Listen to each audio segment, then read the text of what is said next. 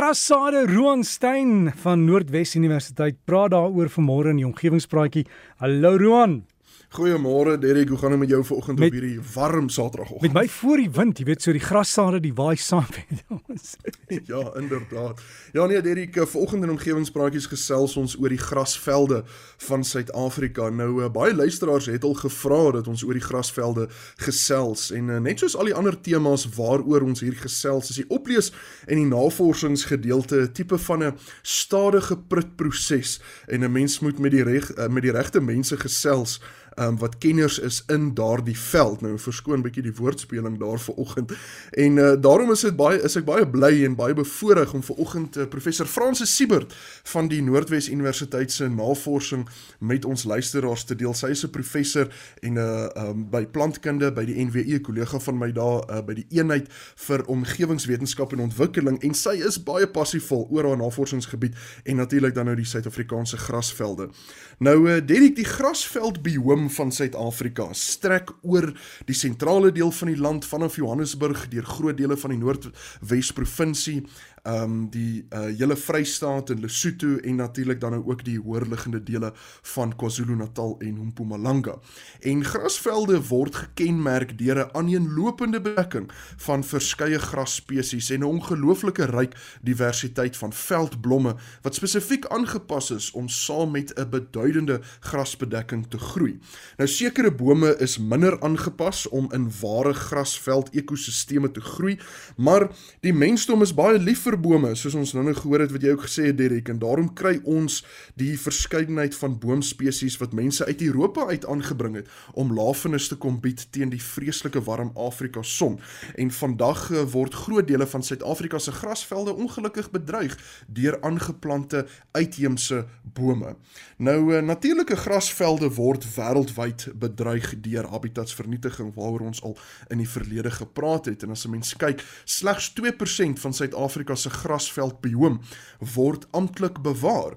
Ehm um, nou gelukkig na vele jare se pogings om grasveldbewaring hoër op die bewaringsagenda van Suid-Afrika uh, te plaas, uh, blyk dit darm asof daar hoop is.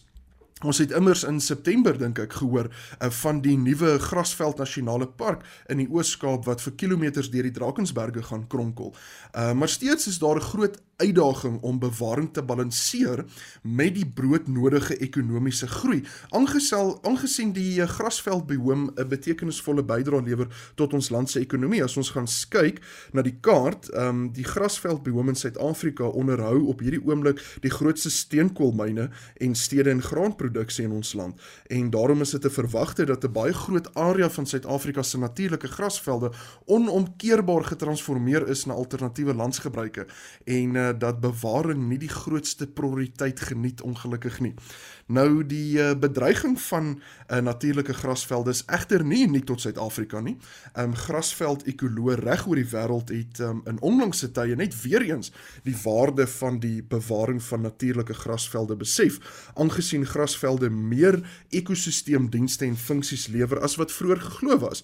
Ehm um, daarom het uh, grasveld ekoloë oor verskeie kontinente hande gevat om ons saak te versterk dat grasvelde ehm um, se bewaring van kardinale belang belang is vir die langtermyn volhoubaarheid van uh, ekosisteemfunksies.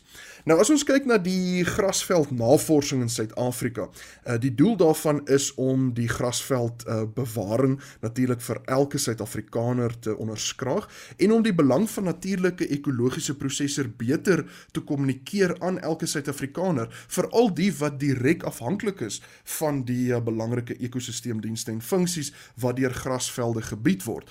Um en vandag is daar 'n ge, gedigte span navorsings van verskeie universiteite en instansies landwyd wat saamwerk met dieselfde doel. Um elk natuurlik met 'n spesialis um aanslag.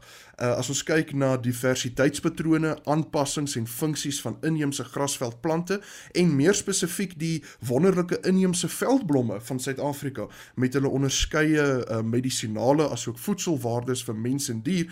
Um hierdie navorsing word gedoen deur die Kruide-ekologie Navorsingsgroep um van die eenheid vir omgewingswetenskappe en bestuur um by die NWI en uh, terwyl uh, sisteemekologie prosesse en die interaksie met vuur wat natuurlik ook 'n baie belangrike rol speel um deur die Universiteit van die Witwatersrand uh, Witwatersrand gelei word.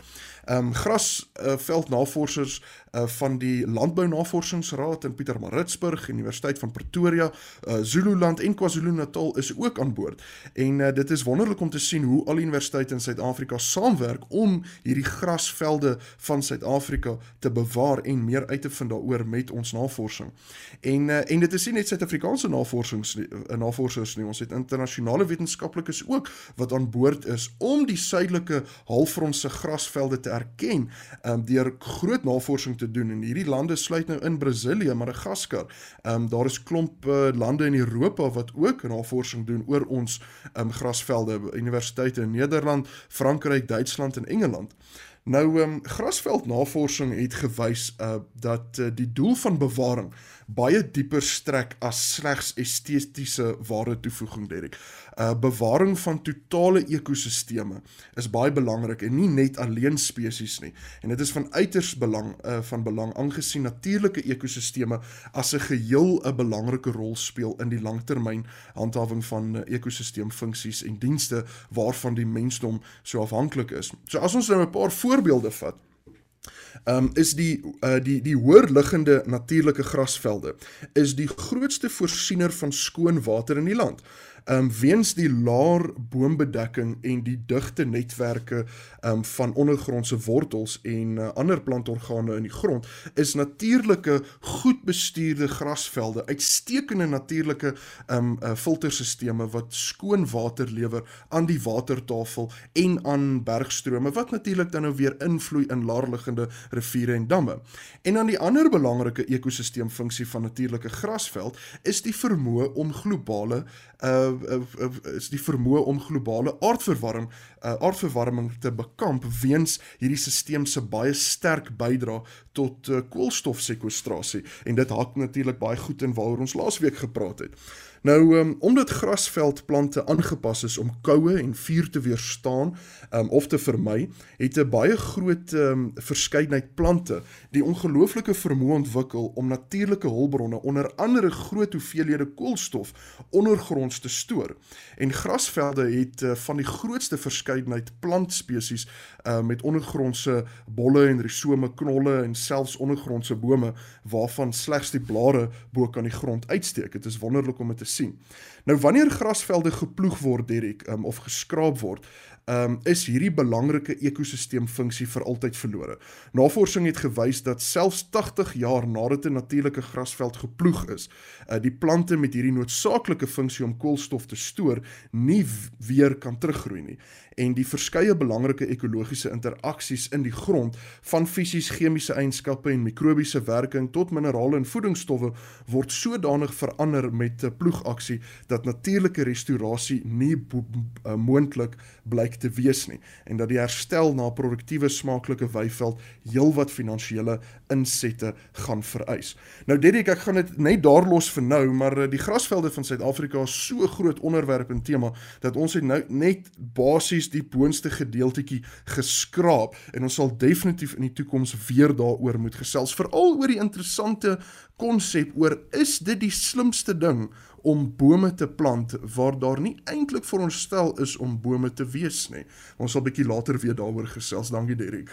Dankie aan Roan Stein van Noordwes Universiteit met die omgewingspraatjie. Jy pos ook vir Roan by omgewing by rsg.co.za.